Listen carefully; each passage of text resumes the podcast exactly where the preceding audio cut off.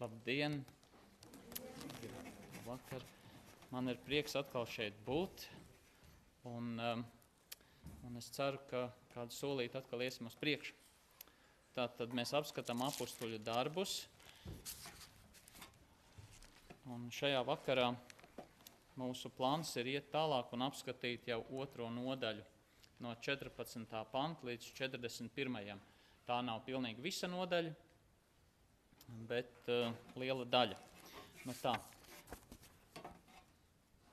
Um, es uh, gribu sākt ar nelielu, varbūt tādu nelielu atkāpu uz pirmajiem 13 pantiem, kas uh, raksturotu to, kā, no kādām zemēm bija cilvēki ieradušies um, vasaras svētku laikā Jeruzalemē. Jūs jau runājat par to, vai ne pirmās ražas uh, svētki, un bija trīsreiz gadā jūdu vīriem jānāk, un šī bija viena no tām reizēm. Un, uh, visticamāk, tā kā mēs lasām, tur uh, tie cilvēki ir uzskaitīti, kā tad mēs ik viens dzirdam savu dzimto valodu - partieši, mēdieši, ēlāmieši un tā tālāk. Un, es domāju, man nav jāuzskaita, jūs drusku redzat tos vārdus no attālumiem. Ja? Eh, un tur ir ar bultiņām norādīts, ka viņi tātad visi ir aizceļojuši uz Jeruzalem. Visticamāk, tie nav partieši eh, vai mēdieši, elāmieši, um, kas ir dzimuši tādi.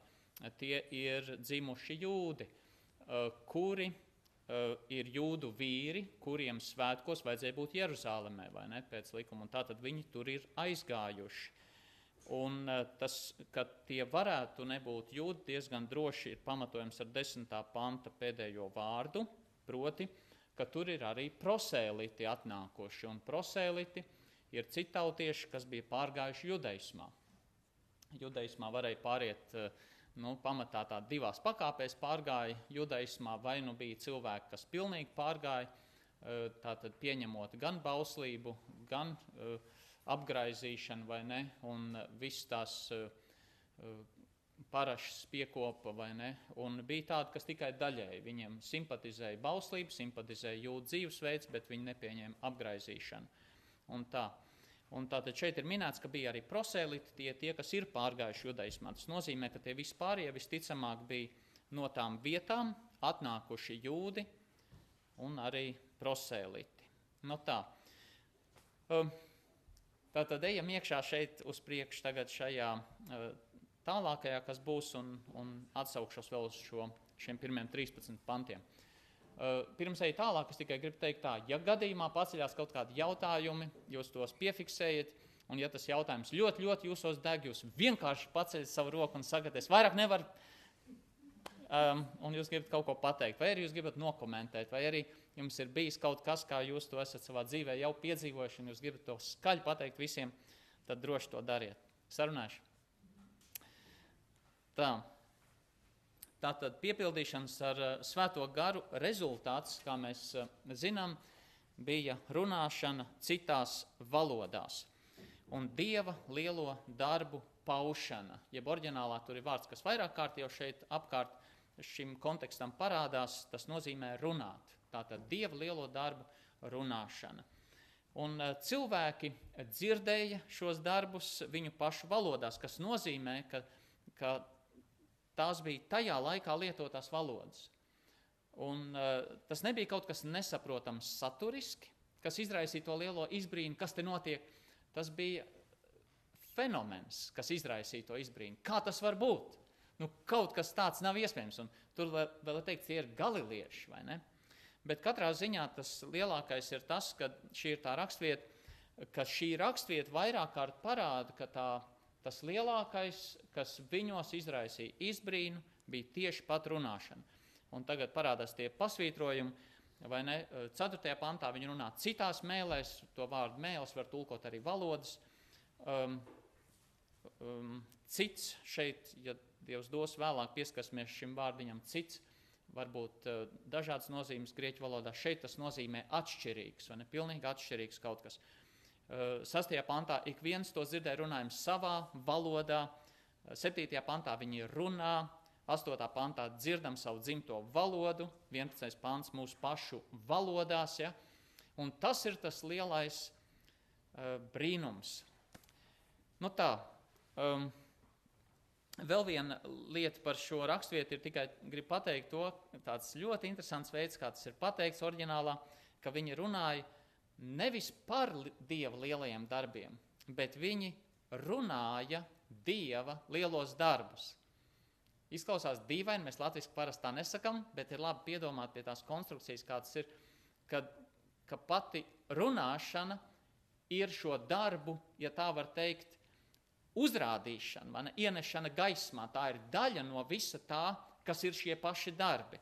Ir darbi, un varbūt runāšana par darbiem, bet varbūt darbu runāšana. Es nezinu, varbūt jums liekas, ko tas Mārtiņš tur dara tagad, bet, bet uh, tas ir līdzīgi kā es esmu dzirdējis tādu salīdzinājumu, ka ir padarīts darbs un pateikts paldies, un, ja nav, un tas paldies ir daļa no visa darba. Bez tā paldies tas darbs nav pabeigts, ja tā var teikt. Nu, vai mēs varam piekrist tai domā vai ne, bet tur kaut kas ir, kaut kāds sāls tajā ir, ka mēs novērtējam, ka tas ir paveikts. Un šeit tas tiek izrunāts. Es neiešu detaļās šeit vairāk. Nu tā.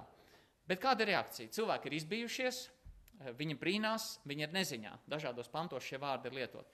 Un 13. pants saka, ka viņi zobojās. Un tātad tas lielais jautājums mums šodien, kā Pēteris atbildēja uz cilvēku neizpratni par svētā gara piepildīto cilvēku dieva darbu runāšanu. Citās Tas ir klausītāju valodās. Kā Pēters atbild uz šo fenomenu, kas cilvēks ir tik ļoti pārsteidzis? Kā mēs redzēsim, tā nav vienkārši pragmatiska dota atbilde.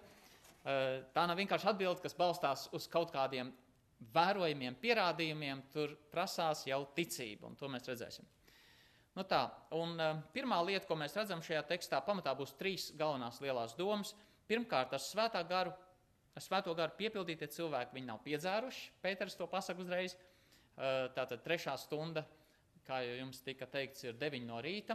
Tas ir neloģiski, ka viņi tajā laikā būtu piedzēruši, bet viņi piedzīvo Joela pravietojumu piepildīšanos. Un tad ir tas Joela pravietojums šeit arī uzskaitīts. Un tad šī rakstvieta. Bet Pēters nostājas ar tiem 11, iesāk runāt un tiem sacīja: Jūs, jūdi un visi, kas Jeruzalemē dzīvojat, lai tas jums ir zināms un iegaumējiet manus vārdus. Šie nav piedzēruši, kā jums šķiet, jo ir tikai dienas trešā stunda, bet te piepildās pravieši Joēla vārdi. Tā, tur drusciņi atšķirās krāsas, un tas būs visā prezentācijas laikā. Tas, kas ir uh, zaļajā krāsā, tā ir, uh, tie ir panti, iekavās uzrādīt, un, eh, un parādīts, no kurienes tas nāk vecajā derībā. Tas, kas ir palicis baltajā krāsā, ir tas, kas nav oriģinālā uh, citātā. Tas ir tas, ko Pēters ir no sevis sludinot līdzis klāt, vai ne? Nu tā, tā mēdz būt. Uh, arī mēs, kad mēs runājam kādreiz un citējam kādu, vai ne, mēs pasakām citātu un vēl kādu savu vārdu. Un šeit arī Pēters līdzīgi dara. Tas paskaidrojums uz visu atlikušo vakaru. Tas notiks pēdējās dienās, saka Dievs. Es izliešu no sava gara pār visu miesu, un jūsu dēli un jūsu meitas pravietos, un jūsu jaunekļi redzēs parādības, un jūsu sirmgalvji sapņos sapņus. Un arī pār saviem kalpiem un savām kalponēm es tanīs dienās izliešu no sava gara, un tie pravietos. Un es došu brīnumus augšā pie debesīm, un zīmes apakšā virs zemes, asinis un uguni, un, precīzāk, būtu dūmu tvaikus. Saule pārvērtīsies tumsā un mēnesis asinīs, pirms nāks tā kunga lielā un spožā diena, un ik viens, kas tā kunga vārdu piesaugs, tiks izglābts. Nu, skaidrs, ka Pētera nolūks, kā mēs tūlīt redzam, tālāk ir pasludināt Jēzu Kristu. Bet viņam ir svarīgi arī paskaidrot, kas tajā brīdī notiek. Un ar to viņš sāk. Viņš norāda um, to, kas kalpo kā tas nepieciešamais līdzeklis šeit. Tas ir Tā ir viena interesanta lieta, ko mums ir svarīgi redzēt, lai mēs nenorakstītu uh, kristietību tikai un vienīgi uz tādu varbūt izjūtu, uh, reliģiju vai ticību, vai arī tādu nesaprastu, pārspīlētu garīgumu, bet Bībele ļoti daudz runā par mūsu personas iesaistīšanu. Un tā pirmā frāze 14. pantā ir uh, neliels komentārs. Viņš saka, lai tas jums ir zināms un iegaumējiet manus vārdus. Um, tas, um, tie īsie vārdiņi, lai tas ir. Tur ir lietots gramatiskais laiks, un tur ir tas zināms vai ne, vai tas ir zināms. Tas gramatiskais laiks nozīmē, lai tas jums ir zināms no šīs dienas uz priekšu un turpmāk. Ja? Tātad, ja es jums to pasaku, tā lai jūs to zināt, ja tā var teikt, tas, tas nav tikai šim brīdim, jums tas ir jāzina. Un tas otrais vārds, kas tur ir, nu, iegaumējiet. Tas vārds iegaumējiet nozīmē uzņemt ausī, ieklausīties. Tur ir lietots gramatiskais laiks, kas norāda, ka tiek sagaidīta pabeigtība tam, ka viņi ieklausīsies, ka viņi kaut ko darīs ar to, ko viņi tagad dzirdēs. Ja, tas nav tikai eh, tas pats, kad, kad tas pirmais vārds, vai ne? Eh, ziniet, un no šīs dienas uz priekšu jūs vienmēr to zināsiet. Vai ie, ieklausieties, tas nozīmē, nu, jūs turpmāk vienkārši tā nesiet sevī to domu. Ne, Pēters saka, tagad jums būs to zināt un izdarīt izvēli. Tā ļoti interesanti veids, kā viņš to šeit pasaka. Tas nav kaut kas, ko vienkārši, nu tā, es dzirdēju, darīšu, ko gribēšu, vai ne? Viņš sagaida, ka cilvēki ieklausīsies un paklausīs. Um, un, uh, un skaidrs, ka cilvēkiem, lai viņi izdarītu šo izvēli, ir vispirms jāzina, vai? Tā kā romiešiem 10. nodaļā 14. pantu vidū ir teikts, un kā lai tic tam, par ko nav dzirdējuši. Cilvēkam ir jādzird atkal un atkal un atkal, un tad viņš var nākt pie ticības. Un, ja cilvēkam ir grūti ticēt, tas nozīmē, ir solis atpakaļ. Viņam ir vairāk jādzird. Ne? Nevajag taisīt uzreiz spiedienu uz to, no tici, tici, tici, tici. Kad es biju mazs un man tāpat bija vēlēšanās uzcēt savu dzīvi Kristum, un bija aicinājums uzcēt, nu, nākt eh, sapulces priekšā vai, vai pēc dievkalpojuma palikt. Man bija sajūta, ka man sevi jāiestāst tas. Nu, Mārtiņ, tu tici, nu, nu, tu tici, vai tev ir piedots, tu esi pieņemts vai ne? Un tikai vēlāk, vai nāk viss tā saprašana, ka taču vajag vārdu likt pamatā. Un tad, ja ir vārds pamatā, tad ir uz ko bāzēt savu ticību. Un tāpēc arī, ja mēs saskaramies šodien ar situācijām, kur, kur cilvēkiem ir grūti ticēt, viena iespējamība ir, ka viņš par maz zina vārdu. Viņam ir jādod vārds. Nu tā.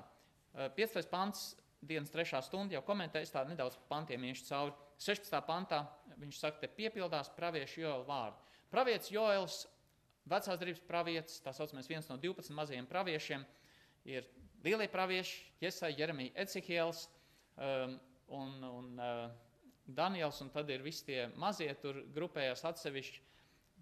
Tas nenozīmē, ka viņi mazāk svarīgi, bet uh, tas vairāk pēc to grāmatu izmēriem varbūt. Ja? un uh, Joels ir viens no viņiem. Kad viņš īsti dzīvoja, ir diezgan strīdīgi, jo ir pravieši, kuros ir skaidri pateikts, kāds ķēniņš tajā laikā valdīja, vai vēl kāda vēsturiska notikuma. Joelam nav burtiski, nu, neviens pieminēts nav, un, un datēt ir ļoti grūti. Ir kā divi varianti, viens ir plus mīnus saka 835. gads pirms mūsu ēras, otrs ir pēceksila laiks, tas nozīmē kaut kāds 6. gadsimts pirms mūsu ēras tās beigas, 5. varbūt 4. gadsimts vai kā. Um, Bet nu, tur katrā ziņā ir runa par sodu. Man vairāk liekas, ka drīzāk tie 800 gadi pirms mūsu ēras drīzāk. Un, un tā. Bet Dieva vārds ir dzīves. Neatkarīgi no tā, cik gadsimti pagājuši. Un, un Pēters to citē, un viņš saka, tas tagad te notiek. Un tā ir viena lieta, ko mēs redzēsim cauri visai apakšu darbu grāmatai. Viņi citē veco derību, bet viņi nesludina veco derību. Viņi citē veco derību un sludina Kristu. Viņi citē un pāriet uz to, ko tas nozīmē attiecībā uz Kristu. Nu tā. Um, es atvainojos. Ir, jā. Tātad ar Joela pravietojumu tiek izskaidrots ne tikai tajā brīdī notiekošais, tā runāšana citās valodās, bet arī pasludināts jauns laikmets un arī ieskicēts turpmākās vēstures plāns. Tas ir viss tas, pravietojums, ko tas pasaka. Un tās pēdējās dienas um, ir periods, kas iesākās ar svētā gara nākšanu pār Kristus sekotājiem, kas arī iezīmē, protams, draudzes dzimšanu. Un tā izliešana pār visu miesu, tie nav mazsvarīgi vārdi. Ir vairākas lietas, ko tas pasaka. Pirmkārt, ir sācies jauns laikmets. Um, tad, kad mēs lasām pirmo nodaļu, Eh, kad mācekļi sadzird tur nodaļas sākumā par to, ka nāks svētais gars. um, piektais pants. Jēzus saka mācekļiem, jo Jānis gan ir kristījis ar ūdeni, bet jūs tiksiet kristīti ar svēto garu pēc nedaudz dienām. Tad tie, kas bija kopā, viņam vaicāja, kungs, vai tu šī laikā atkal uzcels Izraēlam valstību? Kāpēc viņi tā jautāja? Tāpēc, ka viņi zināja, ko vecā darība saka par svētā gara nākšanu. Sāksies jauns laikmets. Un apstuļi sadzirdējuši no Jēzus, ka svētais gars nāks, viņi saka, oho, yes, notiks, viss tūlīt būs. Un, un tas ir, tā ir tā sapratne, kas viņiem bija. Un šeit Pēters saka, halo, tas tagad notiek. Tas ir iesācies. Un ir vairākas rakstīts, um, tur ir uzskaitīts dažas no viņām, kas rāda, ka nāk jauna dzīvība ar svētā gara nākšanu. Tas ir pieminēts vecajā darbā. Tad tā ir pirmā lieta, ko um, pasaka šie vārdi, ka tas tiek izlietas pār visu miesu. Un visa miesa ir domāts draudzība, jaunais Izraels. Otrā lieta, ko tas pasaka, ka katram kristietim ir svētais gars. Nu, un šī nav vienīgā, ir cits rakstīts, kas to palīdz redzēt. Uh, bet te ir tas, un ir, ir kristieši, kas varbūt teiks, nē, svētais gars palīdz nākt pie ticības, bet, lai tu dabūtu svēto garu, tev vēl vajag papildus kādu citu piedzīvojumu. Mums, protams, ir vajadzīgi turpinoši, turpinoši piepildīšana ar svēto garu. Ja? Bet Es nemaz nevaru pateikt, ka Kristus ir mans kungs, ja tas nenotiek caur svēto garu, Bībelē saka. Tā kā katram tas ir. Un trešais, kas ar to ir cieši saistīts, ka draudzene ir svētā gara vide. Ne tikai individuāls kristietis. Dalība draudzē ir dalība pie svētā gara. Un mēs esam jaunā laikmetā, mēs ņemam dalību. Pirmā korintiešiem Pāvils saka tādus vārdus, jo kā miesa ir viena un tai daudz locekļu, bet visi daudzie miesas locekļi kopā ir tomēr viena miesa tā arī Kristus. Jo arī mēs visi esam vienā garā kristīti par vienu miesu. Gan jūdi, gan grieķi, gan vergi, gan brīvie, un mēs visi esam dzirdināti ar vienu garu. Jo arī miesa nesastāv no viena, bet no daudziem locekļiem. Un šī paša patiesība tiek apstiprināta arī 1,8. Viņš saka, jūs dabūsiet spēku. Svētais gars, kad nāca pasaulē, viņš nāca pār miesu, pār daudziem. Vecā derība rāda, ka individuāli atsevišķi cilvēki saņēma svēto garu. Iesai vai Dāvids, vai ne? bet, bet jaunais laikmets ir visa Kristus miesa. Un evanģelizācija un misija šodien ir iespējama tāpēc, ka mums ir, protams, katram svētais gars, bet evanģelizācija un misija nav solo gājiens. Tas mums arī jāatcerās. Dievs to tā nav paredzējis. Mēs esam kopā tajā viss, un mēs viens otram viens otru atbalstam tajā. Un, un kaut vai tikai viens piemērs no apakšu darba grāmatas pēdējās nodaļas. Pāvils iet uz Romu jau kā apcietinātais, un, un tur nāk pretī kristieši no Romām panākšu pretī. Un tur ir tādi vienkārši, vienkārši vārdi. Viņš atgūst drosmi. Arī viņš bija nobijies. Arī viņam bija vajadzīgi citi, kas viņu iedrošina. Mēs neesam solo gājienā, tad, kad mēs esam, mums ir vajadzīga šī aizmugure un citi kristieši. Nu tā. Nākošais jautājums, ko mēs varam pajautāt, pravietošana, parādība, redzēšana, sapņu, sapņošana, vai tā bija tikai zīme svētā gara nākšanai tajā laikā, jeb tā ir turpinoša svētā gara uh, dāvana, kas ir dota Kristus miesai. Nu, varētu būt, protams, dažādi viedokļi. Uh, nu, aptauju tagad varbūt netaisīšu, tas nebūtu, tas nebūtu jādara, bet, bet es izteikšu tikai savu viedokli uzreiz, un tad jūs domājat, ko jūs par to domājat. Um, tad, kad mēs skatāmies 1. korintiešiem 12 līdz 14, mēs redzam, ka tur ir runāts par svētā gara dāvanām draudzēji.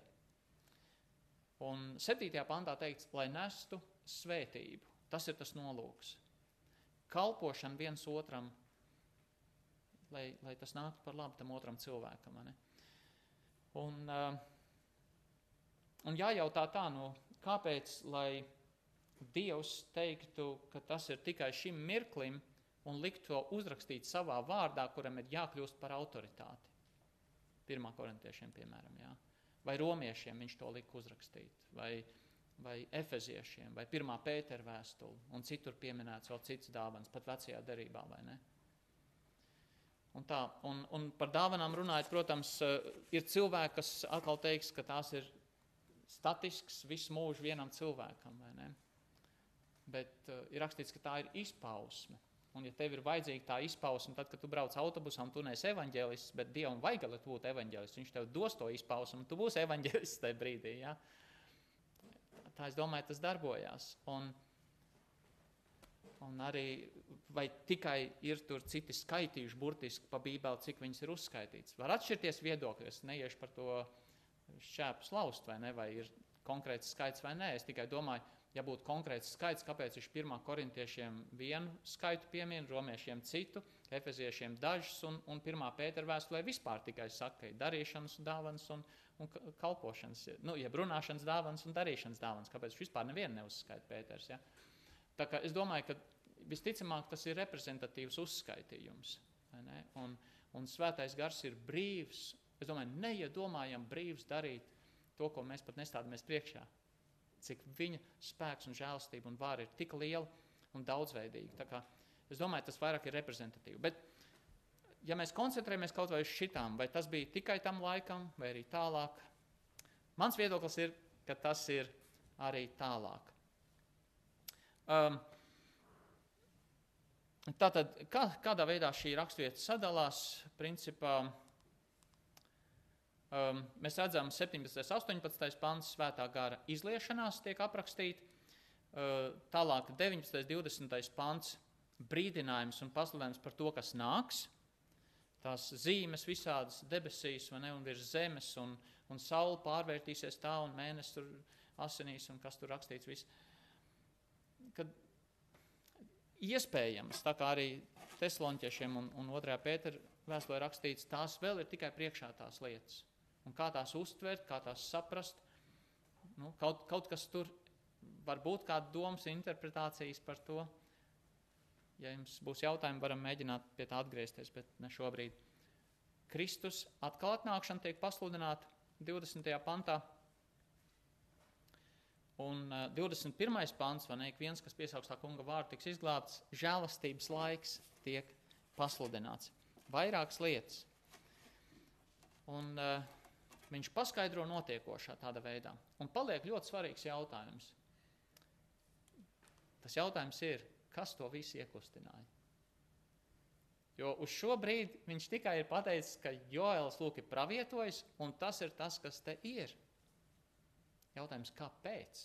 No kurienes tas sākās? Kāpēc tieši tagad tas sākās?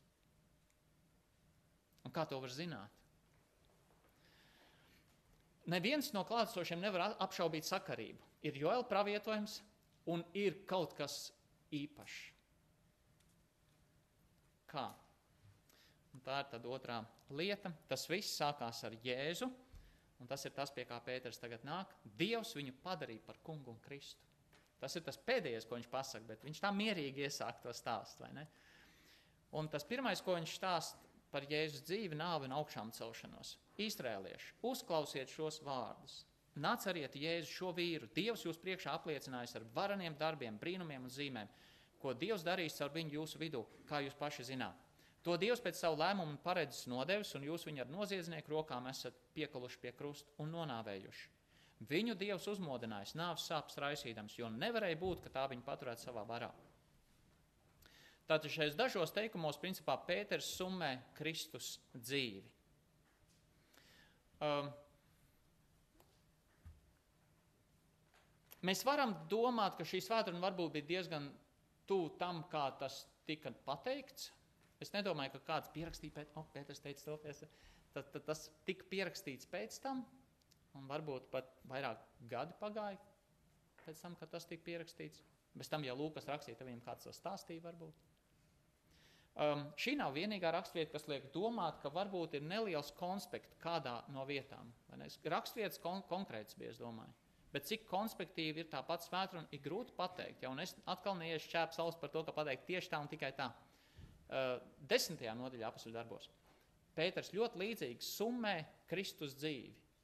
Viņš bija aicināts uz Cēzarei, vai ne? Vajadzēja sludināt dzīvības vārdu, rakstīts. Ko, kāds ir dzīvības vārds? Evanģelis par Jēzu Kristu. Un kā viņš tā vienkārši summē, man liekas, vienā pantā, un tas ir viss, ko viņš pateica. Drusku man liekas, ka viņš runāja vairāk. Ja? Un, uh, un Pāvils kādā gadījumā tik daudz runāja, ka viens aizmiga un nokrita. Un, un, vajadzēja atdzīvināt. Ja? Bet, es domāju, ka ir vietas, kur ir summēts, un šeit ir summēts vismaz. Um, bet tas, kas ir summēts un uzrakstīts, tā kļūst par autoritāti mums burtiskā nozīmē. Vai ne? Tie principi, kas ir tajā, ir, ir jāsaskata kā uh, svarīgi. Un, uh, un jau pirmā nodaļa runā par to, ka apstuļiem būs jābūt lieciniekiem. Vēl tas Matīs tika izraudzīts jūtas vietā, un, un viņi dabūs svēto garliecības nešanai. Un viņi tagad ir uzticīgi tai pavēlē. Ja es teicu, jūs liecināsiet par mani, un šie panti parāda, ka viņi ir paklausīgi. Daži komentāri par pašiem pantiem. Um, 22. pantā uh, ir tas vārds uzklausiet. Un, uh, tas ir atkal tas gramatiskais laiks norāda, pievērs tam uzmanību un izdara kaut kādu izvēli. Tas tev ir sacīts tagad, vai ne? Tas nav tā, dari, ko tu gribi ar to, kad tu gribi. Es būšu priecīgs par to. Jā. Ieklausies. Un, uh, un viņš iesāk ļoti vienkāršā veidā. Tas nav tas, kā viņš pabeidz, bet viņš iesāk vienkārši nācerietis, Jēzus, vīrs. Viņš runā ļoti cilvēcīgi, ļoti piezemēti. Otrā lieta, 23. pantā, ir, ir tie vārdi, ko viņš pasaka. Proti, Jēzus nāve pirmkārt bija Dieva lēmums. Viņš nebija upuris cilvēku nežēlībai. Viņš nomira tāpēc, ka Dievs gribēja, ka viņš nomirtu. Un, eh, man tagad šeit nav sagatavots, bet iesaist 53. nodaļā, ne, turpat ir tā izteikts tādiem vārdiem, ka pat Dievs priecājās par to, ka Kristus nomirst. Kāpēc? Izklausās šausmīgi, bet tas ir vienīgais veids, kā mēs tiekam izpirkti un kā Dievs tiek attaisnots. Viņš gadsimtiem, gadsimtiem piedeva cilvēkiem. Un kāpēc? Kāpēc viņš piedeva cilvēkiem vecās darbības laikā? Tikai tāpēc, ka viņš upuri pienes. Nu, varētu Tas bija svarīgi. Izpildīja bauslību tādā veidā, un tāpēc viņš piedeva. Bet romiešiem trešajā nodaļā ir teikts, ka Kristū atklājas Dieva taisnība. Tātad līdz tam viņa bija apslēpta. Līdz tam varēja jautāt, un tas ir viss. Un tad, kad nomirst taisnais Dieva jērs, perfekts, patiesa Dievs un patiesa cilvēks, taisnība tiek izpildīta, vai ne, pilnībā. Dievs um, Dievs sūta nāvē to, kurš ir perfekts upuris, bezgrēcīgs, un um, viņš ir paņēmis mūsu grēkus uz sevi, viņš ar tiem nomirst. Bet pirmkārt, tā ir, tas ir Dieva plāns, un tikai tad nāk cilvēcīgā rīcība. Un es domāju, tā ir viena lieta, kas mums savā dzīvē arī jāatcerās. Tad, kad kāds mums dara sliktu, nu kāds, nezinu, ļaunu dara vai ielauzies mājā, tad mums ir jāpadomā viens solis atpakaļ. Dievs to gribēja. es saprotu, pagrūti tajā brīdī ir.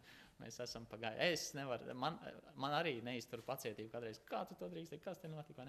Bet patiesībā tas, kas notiek tajā brīdī, ir tikai rezultāts tam, ko Dievs bija saplānojis. Tas nenozīmē, ka Dievs gribēja, ka cilvēki burtiski izdara grēku. Nepārprotiet, ļoti grūti to saprast. Bet ir ja vairākas raksturītas Bībelē, eh, kas saka, ka Dievs tādā veidā strādā. Un tas, kas mums ir ļaunums, Tad, kad Dievs to dara, nav ļaunums. Es nevaru to izskaidrot. Ne? Ijap grāmatā tas ir rakstīts. Jeremijas raudziesmās tas ir rakstīts. Ijaps saka, ja mēs esam saņēmuši no Dieva ļaunu, kāpēc mēs nesaņemam, ja mēs esam saņēmuši labu, kāpēc mēs nesaņemam arī ļaunu?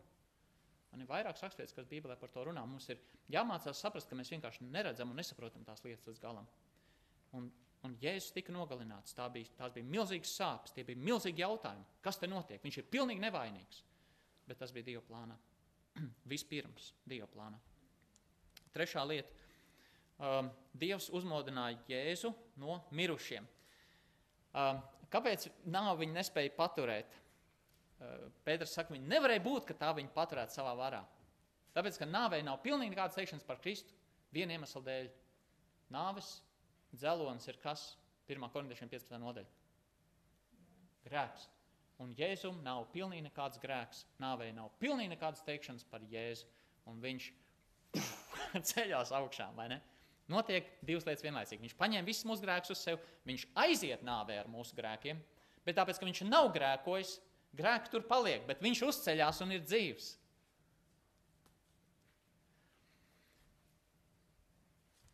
Un tad Pēters pamato to, ko viņš tikko ir pateicis par Jēzu. Tikai par Jēzu runājis šobrīd. Jo Dāvids par viņu saka, tas kungs man vienmēr bijis acu priekšā, jo viņš man ir pa labo roku, lai es nešaubītos no psalmiem.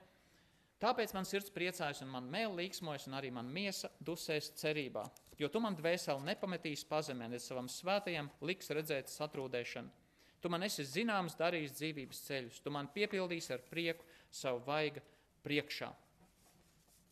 Nu, tas ir kā, pravietojums jau par Jēzu, jo te ir rakstīts, tu nepametīsi man pazemē, bet Pēters tālāk skaidro, kā tad īsti tas notika, vai ne?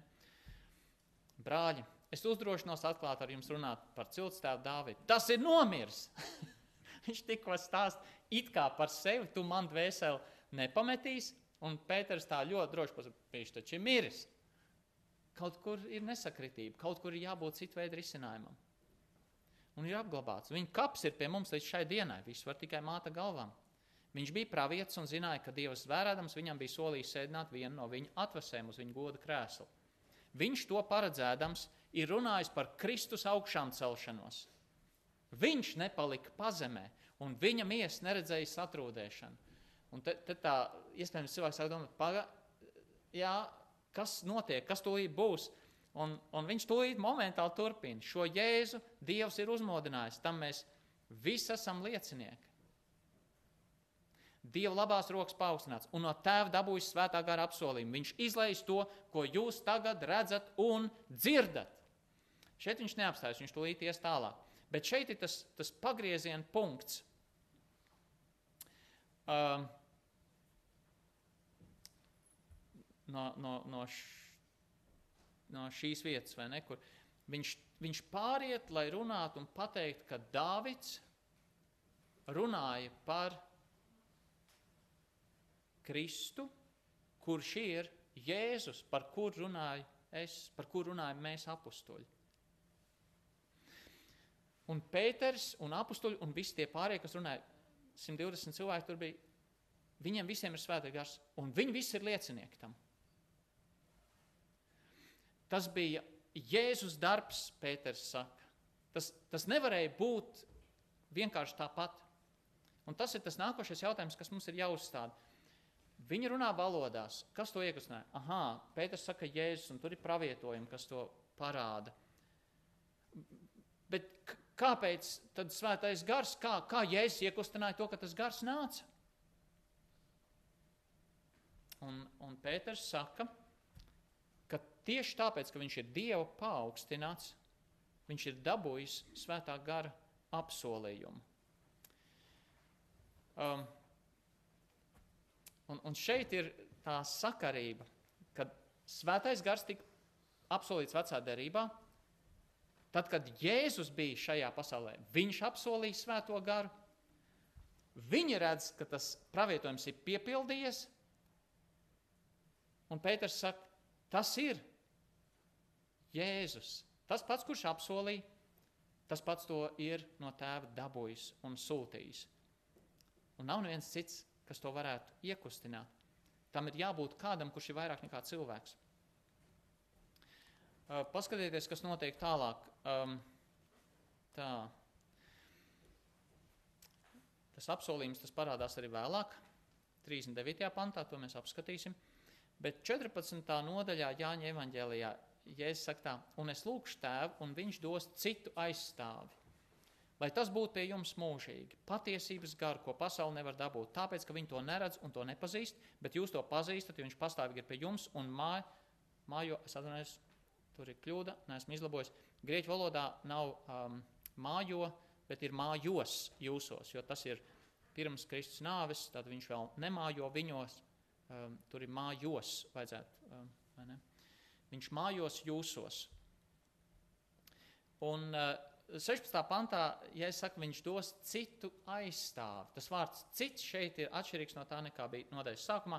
Tur tas cits nozīmē atšķirīgs, šeit cits nozīmē līdzīgs, tāds pats. Tāds pats, kāds esmu es, tāds pats būs svētais gars. Tikpat reāla persona, kāda esmu es, tikpat reāla persona būs svētais gars, un viņš jums būs. Jūs nebūsiet pāriņi, ne par gramu, ne par matu, ne? Dievs ir apsolījis, Jēzus apsolīja. Tas ir piepildījies. Jautājums, kādā veidā? Vajag pretī kādu. Ja Dievs apsolīja un Dievs piepildīja, Jēzus apsolīja, tad caur kur tas bija? Pēters saka, caur Kristu.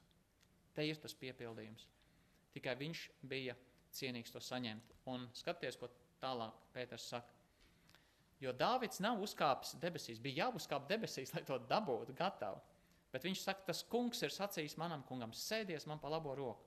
Tiekams es tavs ienaidnieks liek par pameslu tavām kājām.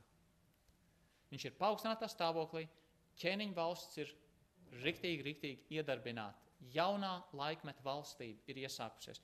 Viņš ir tur, kur ir Dievs. Daniela grāmatā 7. nodaļā arī mēs par to lasām. Ne? Tad, lai visi Izraēla nams zina, un nešaubās, un nešaubās vārdu. Vispār nav um, oriģinālā. Es domāju, tulkotāji gribējuši pastiprināt to vārdu zina, jo tas nozīmē ziniet, un no šīs dienas uz priekšu ziniet, un tāpēc varbūt viņi saka nešaubās, ka Dievs viņu ir darījis par kungu un Kristu šo pašu jēzu, ko jūs esat situši krustā. Tātad ar vecās darības pravietojumu palīdzību Pēters pierāda, ka Kristus ir tas, kas to iekustināja. Un vispār nav citu variantu. Kaut kas viņus tajā visā uzrunāja. Kāpēc? Tāpēc, ka Dievs tur darbojās. Tur Dievs darbojās. Ja cilvēks negrib ticēt, tur rakstīts, visi jau neticēja. Bet tie, kas ticēja, tie bija 3000. Tad tu, cik, nezinu, tūkstoši neticēja. Bet tie, kas ticēja, tie salika to kopā. Un parasti tic tie, kas ir garīgi izslāpuši, Bībelē saka. Tie ir atvērti ticēt. Viņi meklē risinājumus savām problēmām un izmisumam, un viņi to sadzird Kristu, tie, kas ir garīgi izslāpuši. Un, eh, un tādiem cilvēkiem Jēzus iedod dzīvību. Tātad, tādā veidā, ko Pēters izdara, viņš sākot ar Joēlu pravietojumu, viņš aiziet un pasludina Kristu. Bet tas nav viss, tajā tas neapstājas.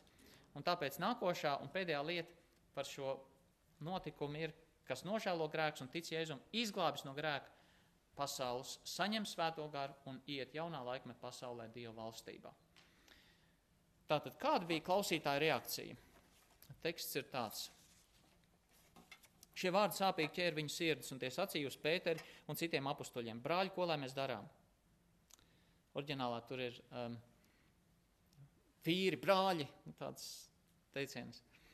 Bet Pēters tiem atbildēja: Atgriezieties no grēkiem un liecieties kristīties ik viens Jēzus Kristus vārdā, lai jūs dabūtu grēku piedošanu un saņemtu svētā gara dāvanu, jo šis solījums dots jums un jūsu bērniem un visiem, kas vēl ir tālu, ko tas kungs mūsu Dievs pieaicinās. Un vēl ar daudz citiem vārdiem viņš liecināja un tos pamācīja sacīdams: Izglābieties no šīs samaitātās cilts, kas viņa vārdus uzņēma, tos kristīja, un tanī dienā tiem pievienojās ap 3000 dvēseli. Tātad, kā mēs redzam no 37. panta, svētruna neatstāja vienaldzīgas, vismaz liela daļa cilvēku. Un tas sākums tur ir šie vārdi sāpīgi ķēra viņu sirds. Un burtiski, ja mēs tulkot, tur rakstīts tā, bet pēc tam, kad viņi to dzirdēja, viņi tika sadurti sirdī, ja citu tulkojumu saka sagriezti vai, vai uh, iedzelts viņiem tik, vai ne? Tas bija kaut kas šausmīgs, kas viņos notika. Viņi bija, nu, pilnīgi līdz izmisumam. Un tāpēc viņi saka, ko? Kā tur bija, es jau aizgāju tālāk, bet ko lai mēs darām? Ko lai mēs darām? Viņi saprot, ka viņi ir vainīgi. Un ar viņiem ir cauri. Un viņi meklē risinājumu. Un tad ir 38. pants, varbūt bieži citēts, arī savā kalpošanā esmu bieži lietojis. Eh, tas summē visu to, kas notiek ar cilvēku, kad viņš nāk pie Kristus. Un tur vismaz ir piecas lietas, kas notiek. Pirmkārt, par tām piecām lietām. Ir jāatgriežas no grēkiem, ir jātiek kristītam, Jēzus Kristus vārdā, tas nozīmē ticībā uz Kristu. Tā ir trešā lieta, ticībā vai ne? Lai jūs dabūtu grēku piedošanu, cilvēks saņem arī grēku piedošanu, tad, un viņš saņem svēto garu. Tas ir kā viens vesels notikums, un kad mēs skatāmies arī apakstuļu darbos, tā secība drusku var pamainīties. Kaut kāda iemesla dēļ tas notiek. Piemēram, apakstuļu darba grāmatas desmitajā nodaļā, Cezarejā, citautiešu vidē lai viņi, to mēs redzam 11. nodaļas skaidrojumā, lai viņi vispār tie jūdi pieņemtu, ka citautieši arī tādā pašā veidā pieņem. Viņi pirms, piemēram, kristības, viņi jau dabūs svēto garu, jo citādi iespējams tie jūdi nebūtu gatavi pat viņus nokristīt. Viņi dabūs svēto garu, un Pēters saka, o, oh, nu tad jau ūdeni te nevarētu liekt vairāk, vai ne, ja jau Dievs tādu zīmi ir darījis un devis viņiem svēto garu. Tā kā secība var pamainīties, bet principā tas ir apmēram viens un tas pats. Un šodien praktiski iemeslu dēļ, piemēram, ja šeit nāk kāds pie Kristus, nu, būtu divreiz jāpadomā, vai mēs viņu gribētu piespiest aizvest uz jūru, tūlīt iemērcēt, vai ne? Jo, jo to varētu arī skaidrot kā nežēlība neliela. Ne? Bet, eh, bet, ja cilvēks saka, es eh, esmu gatavs, lai notiek man kas notikdams, tad ir citādi, vai ne? Bet ir kādreiz praktiski iemeslu dēļ paiet viena vai divas dienas, kamēr, es nezinu, baseini kaut kur sarunā vai vēl kaut kāda iemesla. Ja? Bet, eh, bet vispār tas ir viens vesels notikums. Kristības nenotiek tāpēc, ka tas cilvēks ir pierādījis, cik viņš spēj būt uzticīgs Dievam. Kristības notiek tāpēc, ka viņš saka, es uzticu sev Dievam, mēs ticam viņa liecībai, vai ne? Un tāpēc gadās kādreiz, ka saka, jā, pastāv cilvēks nokristīts, kas ar viņu notiek. Nu, tāpēc, ka mēs līdz galam nevaram būt, vai ne? Pirmā Jāņa vēstule arī saka, vai ne? Atklājas, ka viņi nav bijuši mūsējie. Jo sākums izskatījās labs, bet izrādās beigās nav īstais. Un kādreiz ir tā, bet nu, mācītāji parasti cenšas būt skaidrībā, ka tiešām tas cilvēks saprot, kas ir grēks, atgriezies no grēka un tad tikai kristī. Bet nu, tā, katrā ziņā tas ir viens notikums, dažādi praktiski iemesli, kāpēc tiek drusku atbildītas tās lietas vai kā. Es tagad vairāk detaļās par to nē. Bet par atsevišķiem vārdiem. Atgriezieties no grēkiem Gramatiskais laiks saka, ka tiek sagaidīts, sagaidīt rīcība. Pēters nesaka, nu, vispār jūs to varētu darīt. Viņš saka, nē, dariet to. Tas ir tas, kas jums ir jādara. Atgriešanās no grēkiem nav, op, nav kaut kāda izvēle cilvēkam, kurš gribētu sekot Kristum. Ja tu gribi sekot, tev ir jāatgriežas. Otrā lieta - pagremt Jēzus Kristus vārdā. Burtiski Tur rakstīts, liecieties, kristīties. Ļoti nepareizi. Piedodiet, ka man tas jāsaka, es negribu kādu izšaubīt ticībā vai uzticēties uh, svētiem rakstiem. Lasiet, ticiet. Bet, um, bet burtiski ir rakstīts, tieciet, pagremdēti. Ik viens no jums.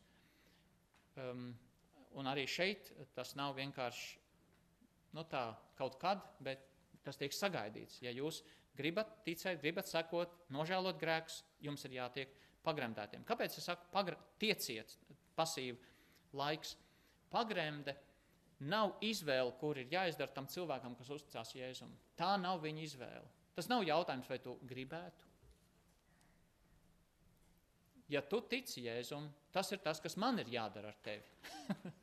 ja? ja es tevi vedu pie Jēzus, tu tiec pagremdēts. Tas nav jautājums, Tā teikt, bumba nav tā laukuma pusē vispār. Bībele nerāda, ka pagremdi ir to cilvēku izvēle vai ka viņi to dara no savas puses. Viņi var tikt uzrunāti, kā mēs redzam 8. nodaļā, galvenieks, ne, kurš ceļo uz Etiopiju atpakaļ. Viņi var tikt uzrunāti. Viņi saka, hei, ja jau tas tā ir, un acīm redzot, Filips bija izstāstījis par pagremdi, viņš saka, tad, tad vai to varētu? Bet pagremdi izdara kāds cits, un, un pašos pamatos tā ir ne, no ārpuses nākoša. Um, nākošs piedāvājums cilvēkam. Uh, treškārt, pagremde ir Jēzus vārdā.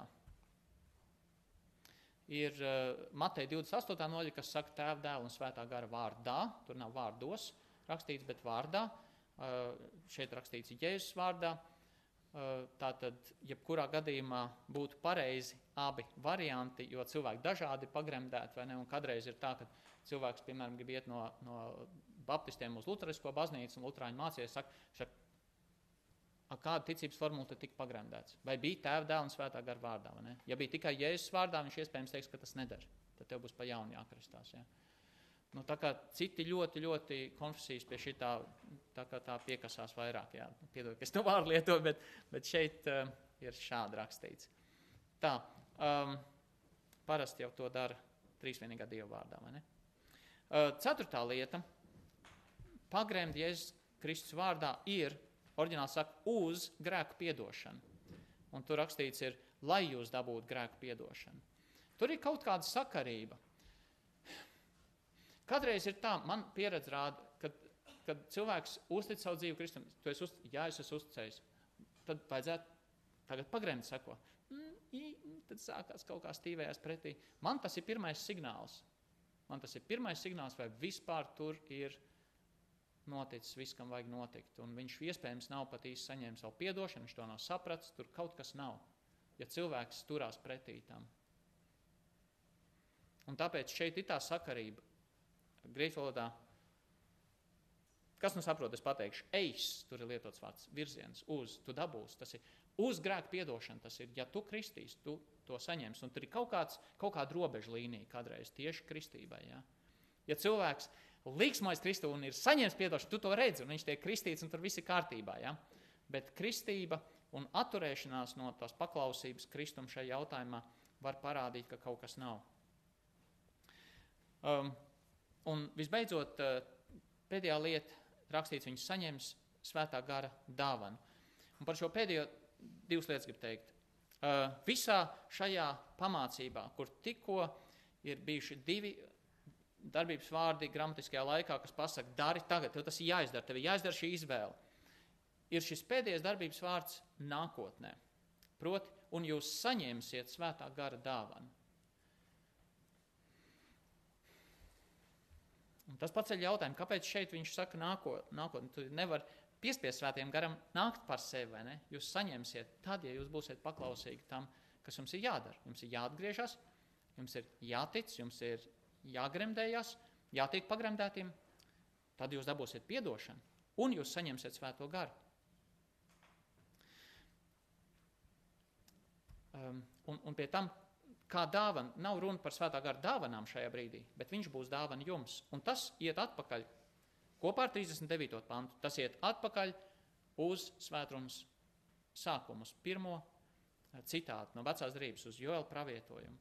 39. pantā Pēters turpina, jo šis solījums dots jums un jūsu bērniem un visiem, kas vēl ir tālu, ko tas kungs mūsu Dievs pieaicinās. Jautājums, kāds solījums?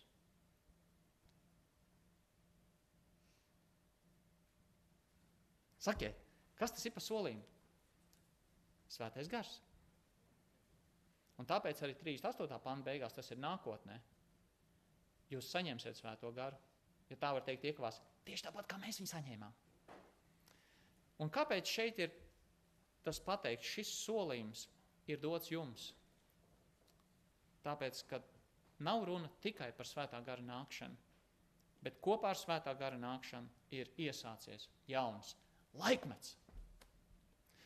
Un ja viņi tagad bija dzirdējuši, kā ar Jola pravietojumu piepildīšanos ir iesācies jauns laikmets, un ka aiz tā viss ir Kristus, Pēters pabeidz ar svēto garu. Tāpat kā viņš ir iesācis, vai ne, skaidrojot, kas tur darbojas. Tas ir svētais gars, viņš iziet cauri, viņš saka, tas ir no Kristus, viņš otrādi nejārāda.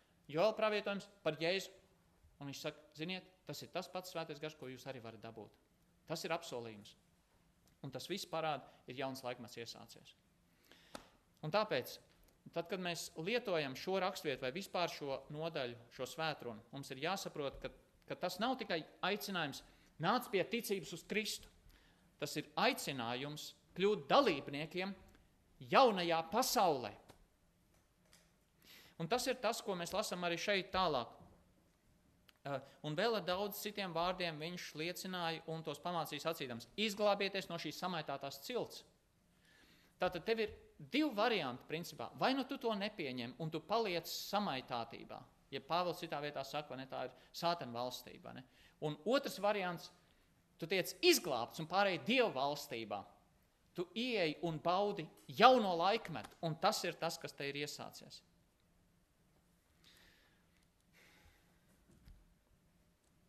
Mata evaņģēlijā un Lūkas evaņģēlijā šīs divas raksturvietas. No tā laika Jēzus iesāk sludināt sacīdams: Atgriezieties no grēkiem, jo debesu valstība tūklāt pienākus. Un Lūkas evaņģēlijā, bet ja es ļaunos garus izdzenu ar Dievu pirkstu, tad jau Dieva valstība pie jums ir atnākusi. Jau Jēzus dzīves laikā tas bija iesācies. Ķēniņš bija atnācis, vēl bija vajadzīgi tikai pilsoņi valstībai. Bet ķēniņš tur bija, un viņš pulcināja jau savus bērnus. Tie bija pirmie pilsoņi debesu valstībā, viņa mācekļi. Un tagad pievienojas, mēs lasām, vai ne, 3000 vienā dienā. Ko tas nozīmē? Ir sācies jauns laikmets. Mēs nerunājam tikai par to, ka es esmu uzcējis savu dzīvi Kristum, ka es esmu nožēlojis grēks, ka es esmu ticis kristīts. Es esmu jaunā pasaulē iegājis. Jaunā pasaulē. Un, um, man, es nebiju plānojis, bet varbūt šis būtu labi vietā. Man laikam vajag, um, ko man vajag? Man vajag melnu ekrānu. Un es uh, izmantošu šitā te viņš spīdēs un nespīdēs visu. Ko te? Redzi, ļoti, ļoti, ļoti maziņš, tur nekas nesanāk. Bet tas, ko es gribu parādīt, tā vēl arī nav. Bet, pelīti. Šitien. Bet, uh, man sakot tā, ideja, reku, tepat ir ļoti labi. Reku, uh, jūs varēsiet redzēt, ja es sākšu no šīs vietas, tepat nevajag izmantot, man liekas, šito. Ir, ir viens variants, kā uzsvērt kristīgo ticību. Ā, visi neredzēs tagad. Mēs redzam. Reku šitien, tad šitā ir labāk. Um, viens veids ir tāds, es dzīvoju, es uzticu savu dzīvi Jēzum, tad es nonāku labākā stāvoklī, jau šajā dzīvē, es turpinu dzīvot, tad es nomirstu, tad es uzēju debesīs, un es pavisam labi dzīvoju. Bet Bībele kopumā, gan šī raksturvieta, gan Jāņa Evangelijas 11. nodaļa, man tic, dzīvos arī, ja tas mirs, un ik viens, kas dzīvo un tic man, nemirs nemūžam. Rāda, ka tad, kad tu dzīvo grēk dzīvi, tu nāc pie Kristus, nevis tavu dzīvi uzlabojas līdz nākošam līmenim. Tu momentā nonāc debesu valstī. Un viss, kas ar tevi notiek, nekad vairs nemainās. Tu esi kopā ar Dievu mūžībā. Sapratāt to starpību? Mēs neesam vienkārši jaunā līmenī šobrīd, kurš vēl nav pilnīgs, būs vēl pilnīgāks līmenis. Mēs esam, viss ir, viss ir beidzies, ja tā var teikt, ne? Priekš mums viss ir beidzies. Vienīgais, kas nav, mēs vēl sajūtam kārtenēs. Mēs turpinām krist, kaut kāds tāds lietas notiek. Bet mēs esam kopā ar Kristu, mēs esam nemirstīgi padarīti. Tas nozīmē, ka tā, caur ticību uz Kristu mēs jau esam jaunās valstības dalībnieki. Un tas ir tas, ko Pēters ar šo svētumu pasaka. Tā nav tikai ticība, tas nav kaut kas pragmatisks. Ir noticis kaut kas vairāk, ja tu uzties Kristu. Un, un to uh, viņš pasaka arī efeziešiem, ja mēs skatāmies um, pirmajā nodaļā, vai ne, ka mums ir dots tas pats spēks, ar kādu Kristus tika augšām celt, arī mēs esam augšām celti. Mums ir tas pats spēks, ar kādu Kristus tika augšām celts. Ko, ko tas nozīmē? Ja vecajā derībā cilvēki tika augšām celti, un Lācars tika augšām celts, un ja Lācars, es nesaku, ka Jēzus viņu padarīja nelaimīgu, bet, bet uh, kamēr viņš vēl bija dzīvs, viņš tika augšām celts, viņš pamodās, ah, atkal es sajūtu kārdinājums. ja es jau viņu nedarīju nelaimīgi. Tā bija zīme, ka tur ir kaut kas vairāk, tur ir dievdēls, kas tikai to var izdarīt. Bet mums ir jāsaprot, ka visi, kas ir augšām celti vecās derības ietvaros, tiek augšām celti tai pašai grēcīgai dzīvei. Tie, kas tic uz Kristu, tiek augšām celti dzīvei, kurā grēkam nav vairs varas pār mums. Viņš piezogās, mēs tajā varam krist, bet nav vairs vara grēkam pār mums. Grēka vara ir salauzta. Mēs esam augšām celti pilnīgi jaunai dzīvei. Ir kaut kas vairāk noticis. Un tāpēc tas augšām celšanās spēks, ar kādu Kristus tika uzmodināts, tas ir mums dots ar nozīmi, ka mēs jau esam kaut kas pavisam, pavisam cits. Jāņa atklāsmes grāmata runā par otro nāvi. Un ik viens, kas, kam nav dalība pie pirmās augšām celšanās, Ar to būs cauri. Kas tad ir pirmā augšana celšanās, kas ir otrā augšana celšanās, kas ir pirmā nāva, kas ir otrā nāva. Es ar šito beigšu, jāpārciet daudz. kopā četras lietas. Ir divas nāves, divas augšām celšanās. Es jau šito jums vienreiz skaidroju. Ne? Nu, šeit nē, varbūt tur iepriekš. Bet, un, un ir divas lietas. Tu, tu piedzimst un tu savā dzīvē uztic savu dzīvi Kristum. Tā ir tā pirmā augšām celšanās. Tad tu fiziski nomirsti. Tad tu tiek augšām celts pēc nāves. Un, ja tu tici Kristum, tad tu ne, neej otrā nāvē. Tātad tu tici, nomirst vienreiz. Ne, nu jā, tu tiec augšām celts savu ticību, tu nomirst fiziski, tu tiec augšām celts fiziski, lai stātos Dievu priekšā un būtu tajā pasaulē, un otrajā nāvē tu neesi, jo tu tici uz Kristu. Otrs variants ir, ka tu netic un nepiedzīvo pirmo augšām celšanos dzīves laikā, tu piedzīvo tikai nāvi. Tad tu tiec augšām celts, lai stātos Dieva tiesas priekšā. Un tāpēc, ka tu neticēji, tu piedzīvo nāvi. Tad visi cilvēki iet cauri trīs, trīs lietām. Divi piedzīvo divas augšām celšanās, un viena nav pa vidu. Un divi piedzīvo divas nāves, un viena augšām celšanās, kas ir fizika. Tas ir tas, ko Bībele rāda. Un ja mēs esam, es, es saprotam, izteicos, ja? ja mēs esam ar Kristu augšām celti, jau tagad, viss. Un tas ir tas, ko Pēters saka šeit. Tas ir tas iemesls, kāpēc viņš svētru nobeidz. Viņš saka, jūs dabūsiet svēto garu, ja jūs izdarīsiet šīs lietas. Jūs dabūsiet. Un tas ir apsolījums, kas ir visiem. Jo tur ir arī jauns laikmets. Nu tā, lai jums uh, um, tā izdodas to tā, cerams, uh, salikt visu kopā, ka kaut kas nav pilnīgi neskaidrs palicis. Un, un uh, pār visam, lai mums visiem izdodas to izdzīvot, lai izdodas par to liecināt. Eh, jo dzīvība ir Dieva vārdā, un mums ir Dieva vārds jāpliecina arī cilvēkiem, kas ir nāvē. Un šeit ir labs paraugs, ka ir jāsludina Dieva vārds. Tā. Ir kād, kāds komentārs, kāda doma, jautājumi?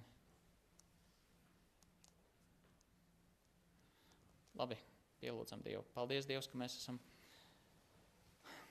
ka mēs esam Tevis uzrunāti, Tevis aicināti. Tā nebija mūsu izdoma um, nākt pie tevis. Mēs, mēs bijām miruši savos grēkos. Mēs vispār, vispār nespējām izvēlēties tevi. Mēs bijām līķi. Bet tu liki sludināt līķiem, kungs. Un tu liki mums dzirdēt dzīvības vēsti. Un tu devi žēlastību mums atzīt, ka tas ir tas, kas mums ir vajadzīgs, lai mēs dzīvotu. Tā bija tava žēlastība, kungs. Un tu devi žēlastību ticēt šai vēstī. Kungs, paldies Tev par to, ka Tu mūs padarīji dzīvus. Kungs, mēs Tev pateicamies, lai kā mums dzīve iet, lai cik grūti iet. Paldies, ka Tu esi devis dzīvību. Tavs gars mūsos mājo. Tavs gars dod spēku, Tavs gars dod vadību, Tavs gars dod gudrību, Tavs gars atgādina mums Tavu vārdu. Un tu esi apsolījis to darbu, ko tu esi iesācis mūsos, pabeigt līdz galam. Un paldies, kungs, ka mēs esam jaunās valstības dalībnieki. Un ka tavs gars mums to arī dod, to atgādinājumu, dod apjaust jaunas lietas. Slavu tev, Dievs, par to. Palīdz, ka mēs šo liecību varam nest par tevi citiem.